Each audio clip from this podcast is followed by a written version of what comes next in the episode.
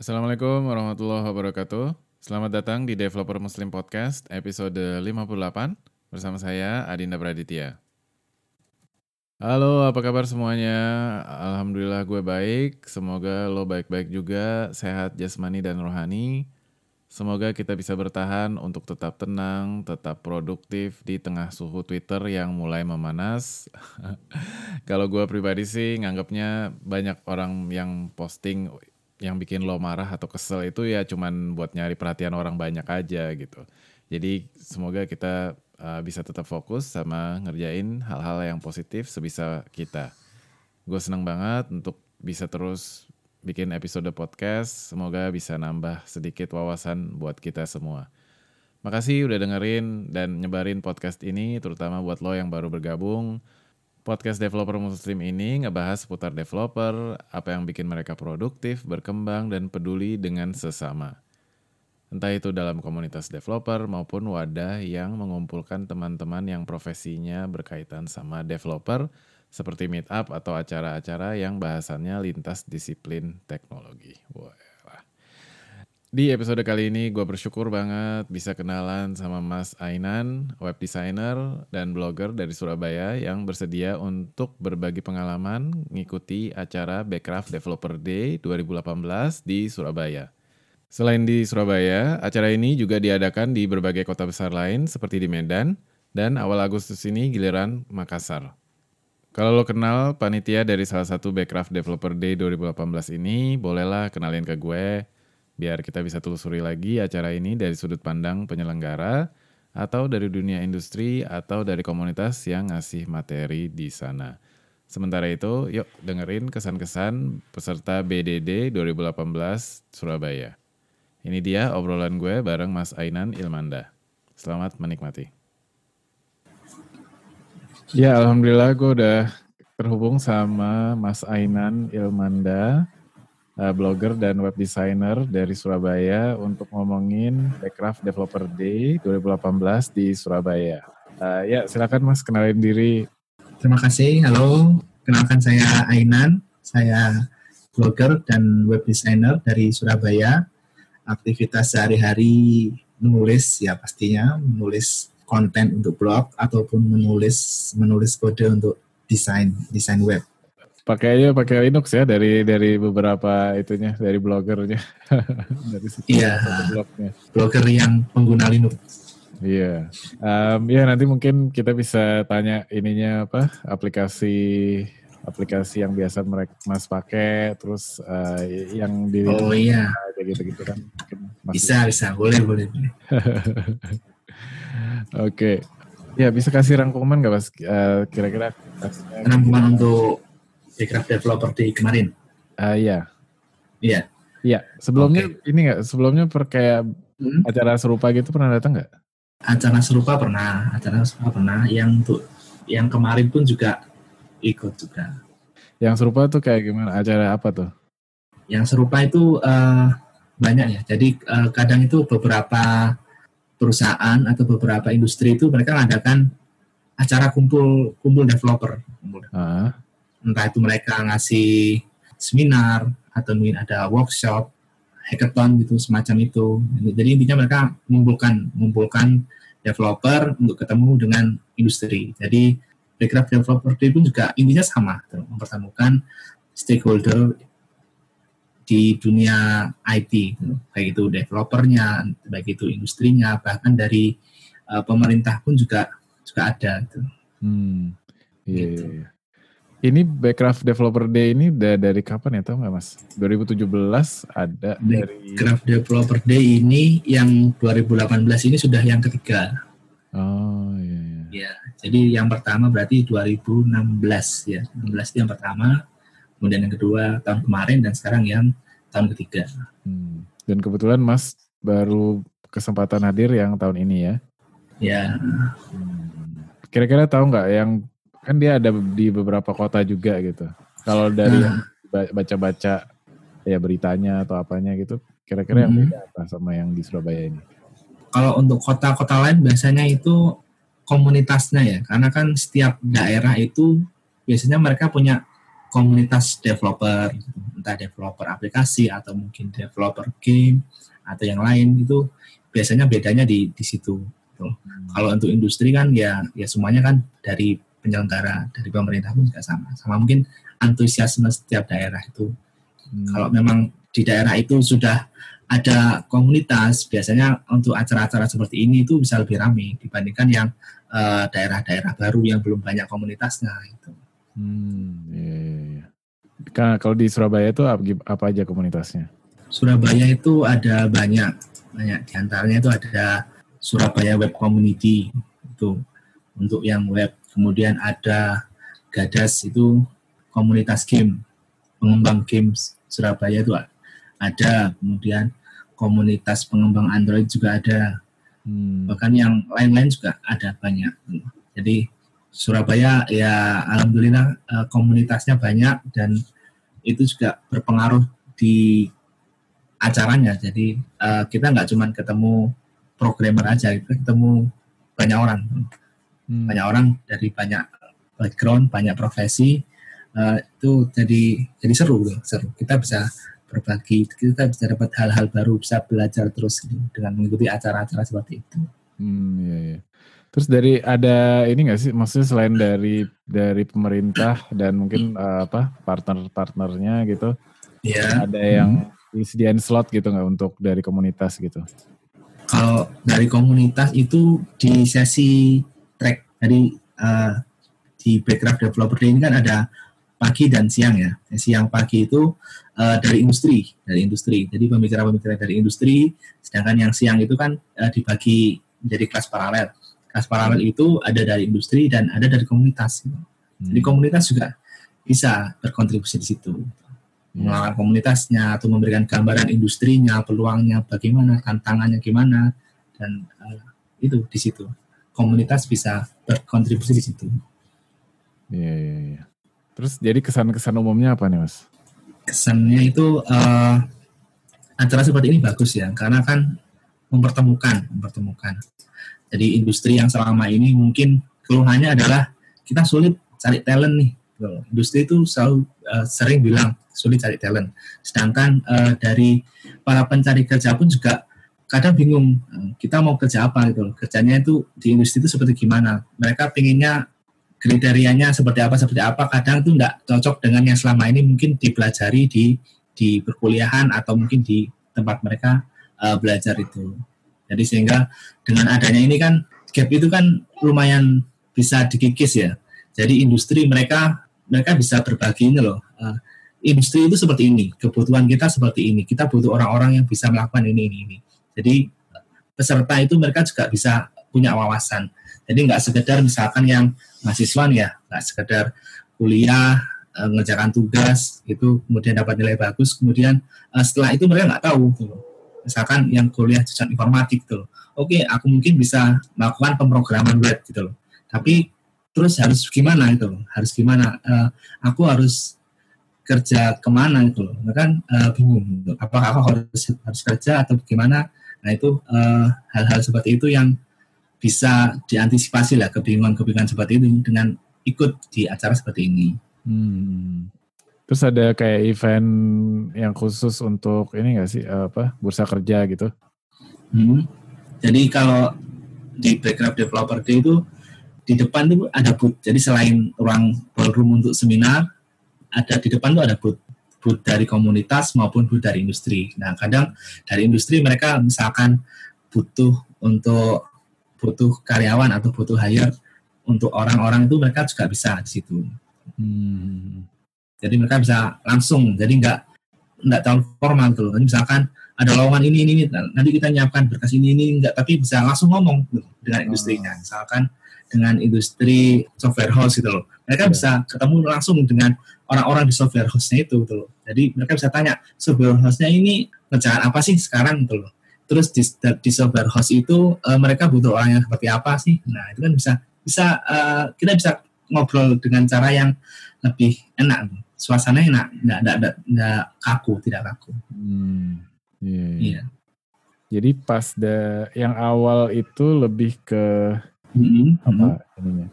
Jadi untuk yang pagi itu uh, sesi uh, seminar ya. Jadi tadi pembicara-pembicara itu mereka berbagi berbagi tentang uh, perusahaan tentang industri-industri mereka.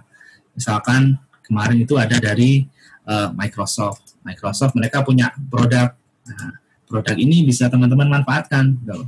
Manfaatkan entah misalkan teman-teman kerja di dunia kerjanya atau mungkin teman-teman ingin bikin startup, mereka bisa manfaatkan produk yang dimiliki oleh Microsoft itu.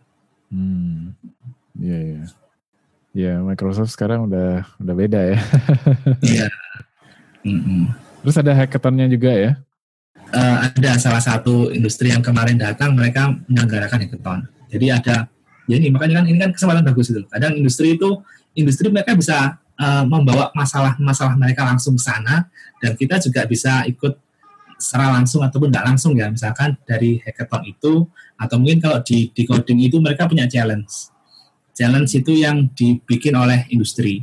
Jadi industri punya permasalahan mereka bikin challenge untuk kita membuat solusi. Solusinya bagaimana? Misalkan perbankan. Perbankan kita punya punya produk nih eh, atau mungkin kita punya teknologi kita punya platform tapi kita belum tahu mau gimana caranya kita bisa bikin produk yang bagus yang bisa mendorong bisnis industri itu lebih baik. Nah, jadi challenge ini di, dilempar, tuh, dilempar ke developer ke umum itu, baik itu lewat hackathon ataupun lewat challenge untuk membuat sebuah karya. Hmm. Gitu. Ini, ini pas yang pagi-pagi, terus mulai hackathonnya uh, dari siang gitu atau gimana? Untuk hackathonnya uh, sendiri uh, di luar acara di hari yang berbeda gitu. Di hari yang berbeda, iya. Iya, iya. Jadi info, info. Yang udah udah nggak cukup waktu ntar ya. Iya. Karena kita memang butuh waktu. Terus Mas eh, daftar ada yang daftar nggak? Ada yang ikut nggak? Hmm, untuk eh kita belum ya. Hmm. Mungkin challenge ke depan kita pengen coba challenge challenge yang ditawarkan. Hmm. Terus secara umum yang di yang Mas ambil dari acara ini apa? Ya mungkin memang mungkin oh ternyata ada API ini gitu misalnya atau hmm. ada oh ternyata bisa.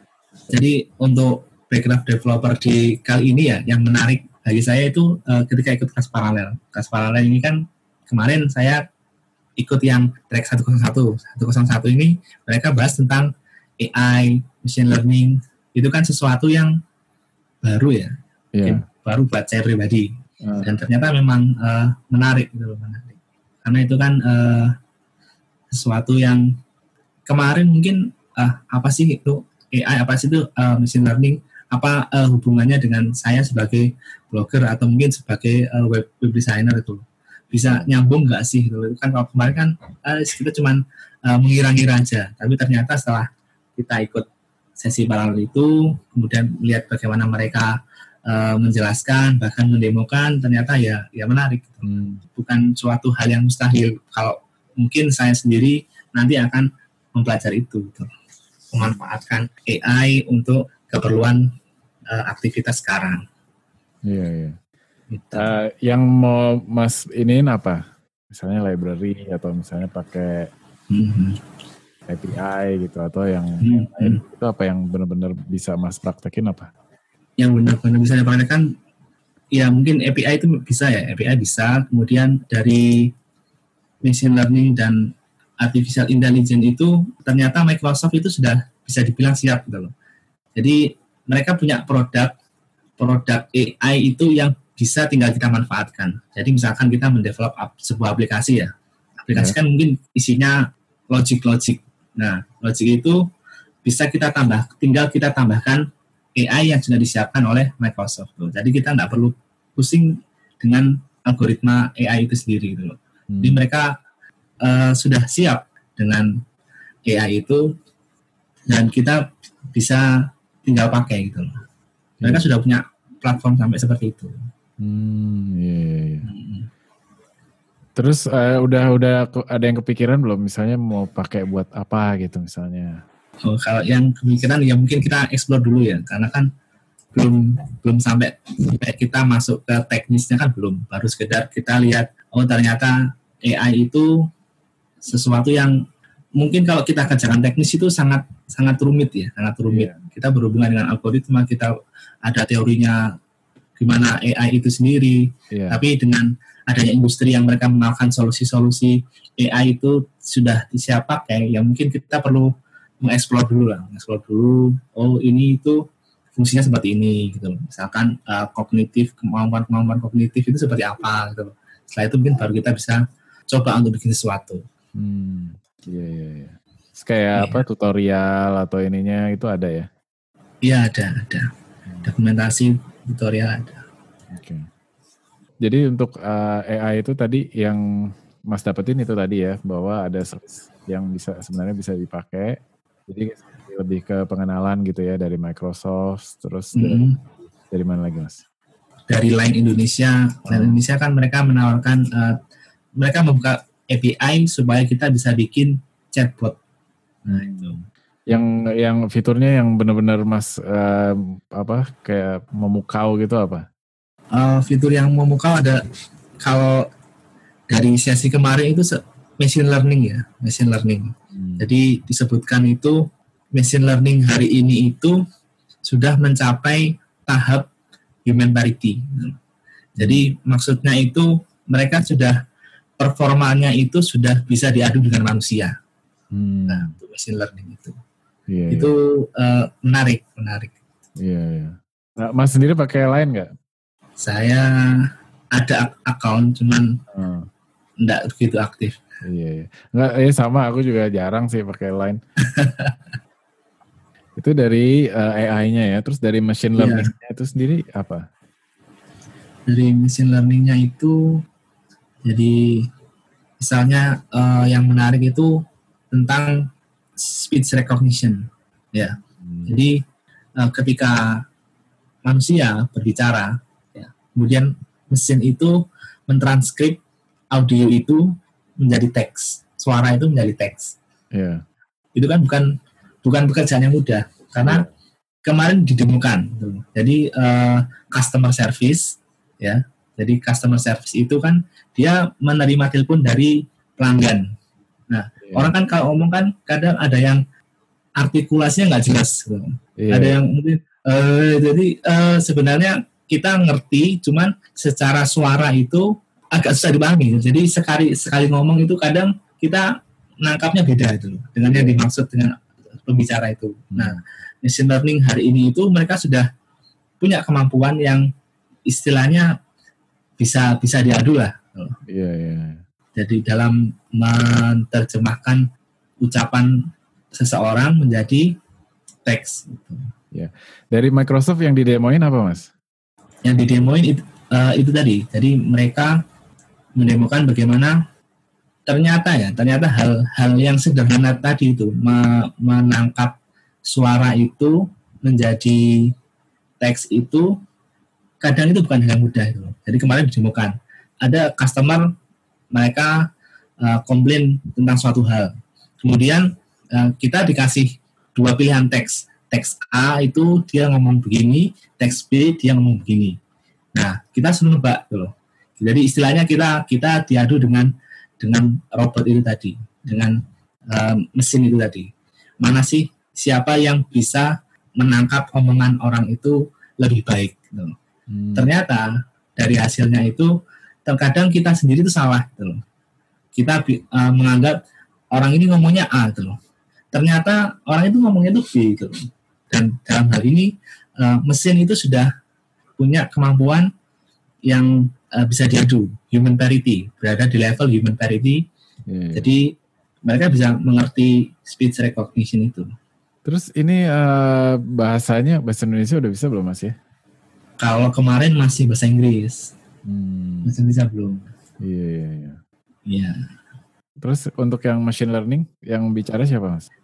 dari oh ya dari Microsoft juga. Jadi menggunakan tentang produknya Microsoft. Microsoft Azure. Heeh. nah itu. Mereka punya sudah punya produk AI yang bisa tinggal di diterapkan. Hmm. Jadi eh, eksekusinya di di Azure gitu ya, di cloud ya. ya jadi mereka menggunakan platform platform mereka yang mereka sudah sudah punya produk-produk produk AI yang bisa kita tinggal pakai gitu. Jadi kita nggak perlu pusing untuk memikirkan bagaimana algoritmanya itu. Kita tinggal sudah punya aplikasi apa, kita tinggal cari cognitive service yang bisa diterapkan, ya tinggal diimplementasikan. Gitu. Hmm. Misalkan untuk uh, deteksi wajah gitu kan, mereka sudah punya dari Microsoft sudah punya. Hmm. Jadi kita tinggal tinggal pakai. Iya.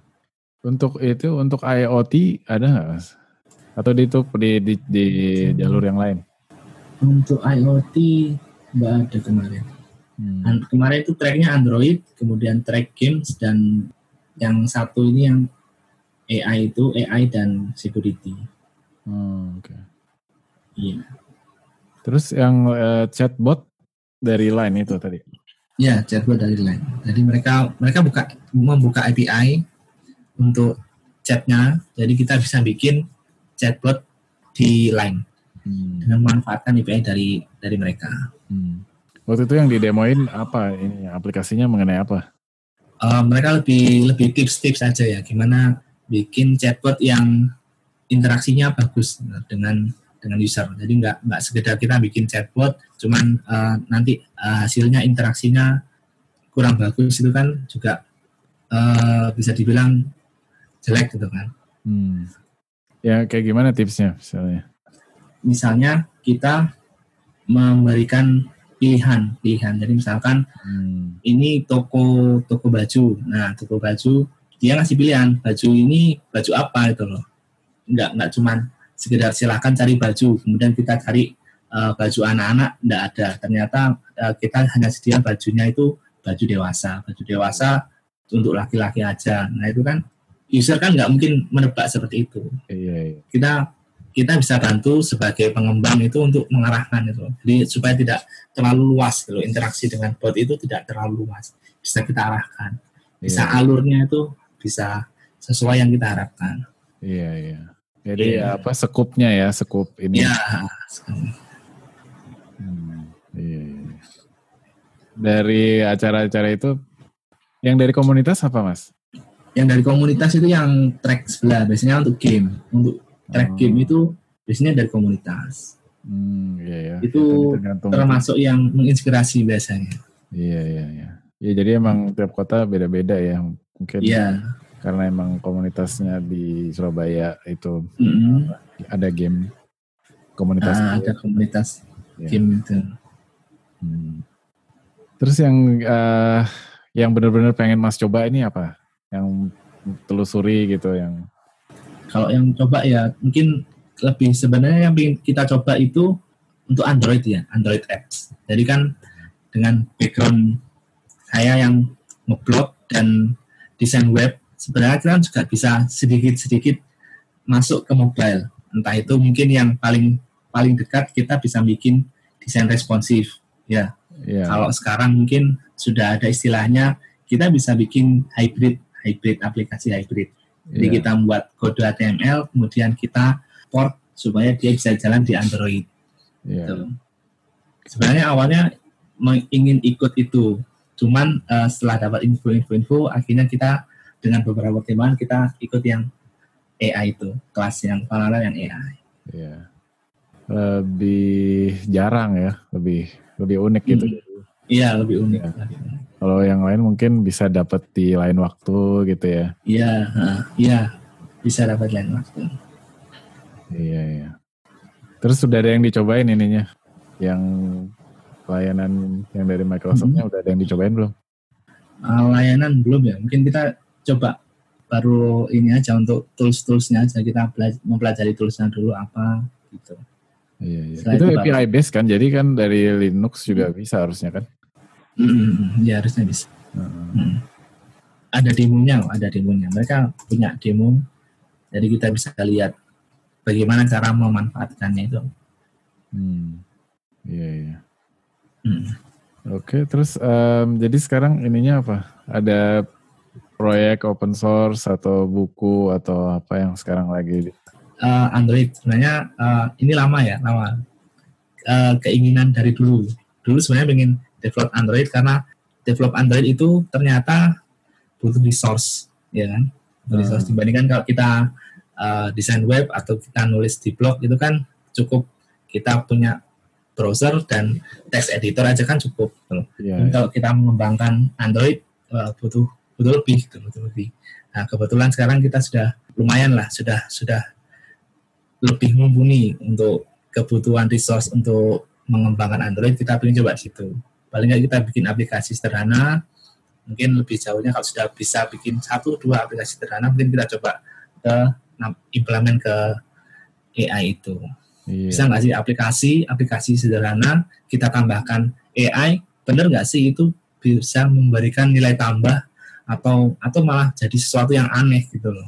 Iya iya. Iya. Iya.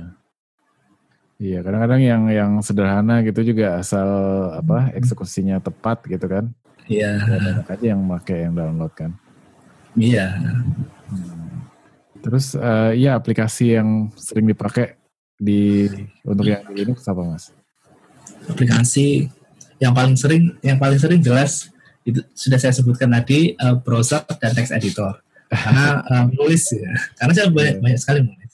Sekali nulis nulis uh, di browser kita bikin draft-draft tulisan, di text editor kadang kita nyimpan nyimpan referensi, kadang kita nyimpan uh, hal-hal yang perlu disimpan, termasuk ketika kita coba bikin template atau mengedit template itu kita pakai text editor. Gitu. Iya, iya. Text editornya apa? Kalau di itu apa? Di Linux apa pakainya? Text editor kita pakai Sublime, Sublime Text iya. sama VS Code. VS Code ya. Hmm. Iya. Hmm. Terus uh, misinya sama tantangan Mas ke depan apa nih Mas? Mungkin kita coba bikin bikin sesuatu lah, bikin sesuatu. Kita bikin karya lah. Jadi tidak sekedar menikmati menjadi orang yang menikmati, tapi kita juga bisa menjadi orang yang terlibat.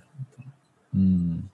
Jadi misalkan untuk yang sederhana untuk proyek-proyek open source itulah itu kan kita selama ini mungkin sebagai pengguna, gitu. Hmm. tapi ketika kita memposisikan mungkin sebagai kontributor, gitu loh, bisa enggak sih terus atau mungkin ada nggak sesuatu yang bisa kita dapatkan gitu. hmm. karena kalau di open source kan terbuka sekali gitu. kesempatan untuk berkontribusi bahkan sekalipun ketika kita mungkin tidak punya skill teknis ya kita tetap bisa berkontribusi itu iya iya jalannya itu ada iya iya Iya kayak iya. apa ngatur apa dokumentasi misalnya Iya, ya bikin dokumentasi, terjemahan itu kan mungkin sederhana gitu. Tapi itu benar-benar uh, kontribusi. Betul. Betul. Bukan bukan sesuatu yang remeh dalam membuat dokumentasi yang bagus, kemudian melakukan penerjemahan itu kan. Iya iya. Iya. Iya benar. Terus uh, ininya aktivitas menarik dalam waktu dekat apa? Nah aktivitas menarik ya mungkin event-event semisal ini tuh ternyata di Surabaya uh, bisa dibilang cukup banyak ya. Hmm. Jadi salah satu alasan kenapa saya ikut track paralel yang AI dan machine learning ini karena untuk Android sendiri ternyata di Surabaya juga ada gitu loh. Hmm. Jadi di Surabaya besok itu uh, ada event namanya Google I.O. Extended. Hmm, yeah, yeah, yeah. Jadi di track paralel Android yang di Backcraft Developer Day itu uh. semua topik-topiknya itu diambil dari Google I.O. di California kemarin. Oh iya. Yeah. Nah, nah buat yang kelewatan itu besok bisa ikut acara Google I.O. Extended di Surabaya. Tanggal 21 ya? Nah, besok besok hmm. pagi. Yeah. Terus terus seharian tuh ya sama pokoknya sama persis kayak yang di IO. Iya, resume resume lah mungkin. Oh, iya. resume dan nyoba-nyoba tentang teknologi yang dipamerkan kemarin itu apa. Hmm. Ya, menarik juga itu. Iya iya, iya menarik juga. Iya. Iya deh Mas Ainan, makasih banyak nih iya. udah sharing iya, sama-sama. Iya, terima kasih. Mengenai Backcraft Developer Day 2018 di Surabaya. Baik, itu tadi obrolan gue bareng Mas Ainan tentang Backcraft Developer Day 2018 di Surabaya. Semoga bisa memberikan gambaran buat kita semua. Mas Ainan juga nulis blog mengenai acara ini, silakan lihat linknya dan bahasan-bahasan lain yang ada di episode ini di devmuslim.id slash episode 58. Sekali lagi gue mau ucapin makasih buat Mas Ainan yang udah berbagi dan lo semua yang udah dengerin. Kalau lo datang di acara-acara yang bermanfaat buat developer dan pengen berbagi juga untuk wawasan kita bersama, silakan email ke devmuslimid at gmail.com atau langsung DM gue di Twitter at devmuslimid. Lo juga bisa sampein masukan untuk podcast ini, apa kepanjangan, apa terlalu teknis, atau kurang fokus dari topik atau judul yang dikasih, atau masukan atau usulan yang lain juga boleh. Pokoknya apa pun yang bikin episodenya lebih baik, gue mau dengar dari lo semua dan gue mau coba lakukan apa yang lo saranin. Setelah ngobrol ke beberapa orang, apa langsung ataupun melalui chat, ternyata banyak juga yang belum tahu kalau podcast ini lebih enak dinikmati kalau lo langganan. Iya, langganan. Seperti blog yang lo suka sama tulisan-tulisannya, podcast juga 90% tuh sama. Jadi kalau di blog itu lo bisa nikmati langsung dari halaman web, ya cuman kan cara jadul banget kalau lo harus ngelihat ke situsnya untuk ngecek apa ada artikel baru atau enggak ya kan. Makanya cara yang lebih baik adalah lo langganan blog itu sama blog-blog yang lainnya dan dirangkum ke dalam satu aplikasi pakai RSS Reader. Nah, di podcast lo juga bisa langganan bareng podcast-podcast lainnya dengan aplikasi podcast. Istilahnya podcatcher, tapi mungkin itu nggak umum. Di iOS ada Apple Podcast dan di Android juga ada namanya Google Podcast. Dan seperti aplikasi smartphone pada umumnya, ada juga aplikasi yang tersedia di dua platform ini, iOS dan Android. Ada banyak contohnya, yang di antaranya yang terkenal itu mungkin uh, TuneIn dan Stitcher. Jadi sama-sama aplikasi yang buat dengerin radio online. Jadi kalau lo udah punya aplikasi-aplikasi itu, lo bisa cari developer muslim. Kalau nggak ketemu, lo mention gue di Twitter, at devmuslimid. Jadi kalau lo suka sama podcast ini, suka sama episode-episodenya, lo bisa langganan. Uh, jadi begitu ada episode baru, lo udah bisa langsung dengerin. Dan mumpung kalau lo lagi didengerin di aplikasi podcast, ya kasih rating dong yang bagus ya kan. Kalau yang jelek gimana? Ya kalau yang jelek lo ngadu aja di Twitter. Iya, kalau yang bagus kasih rating, kalau yang jelek mention aja di Twitter. Ya, buktikan kepedulian lo dan buktikan juga dukungan lo untuk podcast ini. Podcast ini tersedia di Apple Podcast, di Google Podcast, Castbox, Player FM, TuneIn, dan masih banyak lagi. Lo bisa lihat pilihan-pilihannya di anchor.fm slash devmuslimid, a-n-c-h-o-r titik fm garis miring d e v m u s l i m i d. Baik, gue pamit dulu. Sampai di episode Developer Muslim Podcast berikutnya, insya Allah. Assalamualaikum warahmatullahi wabarakatuh.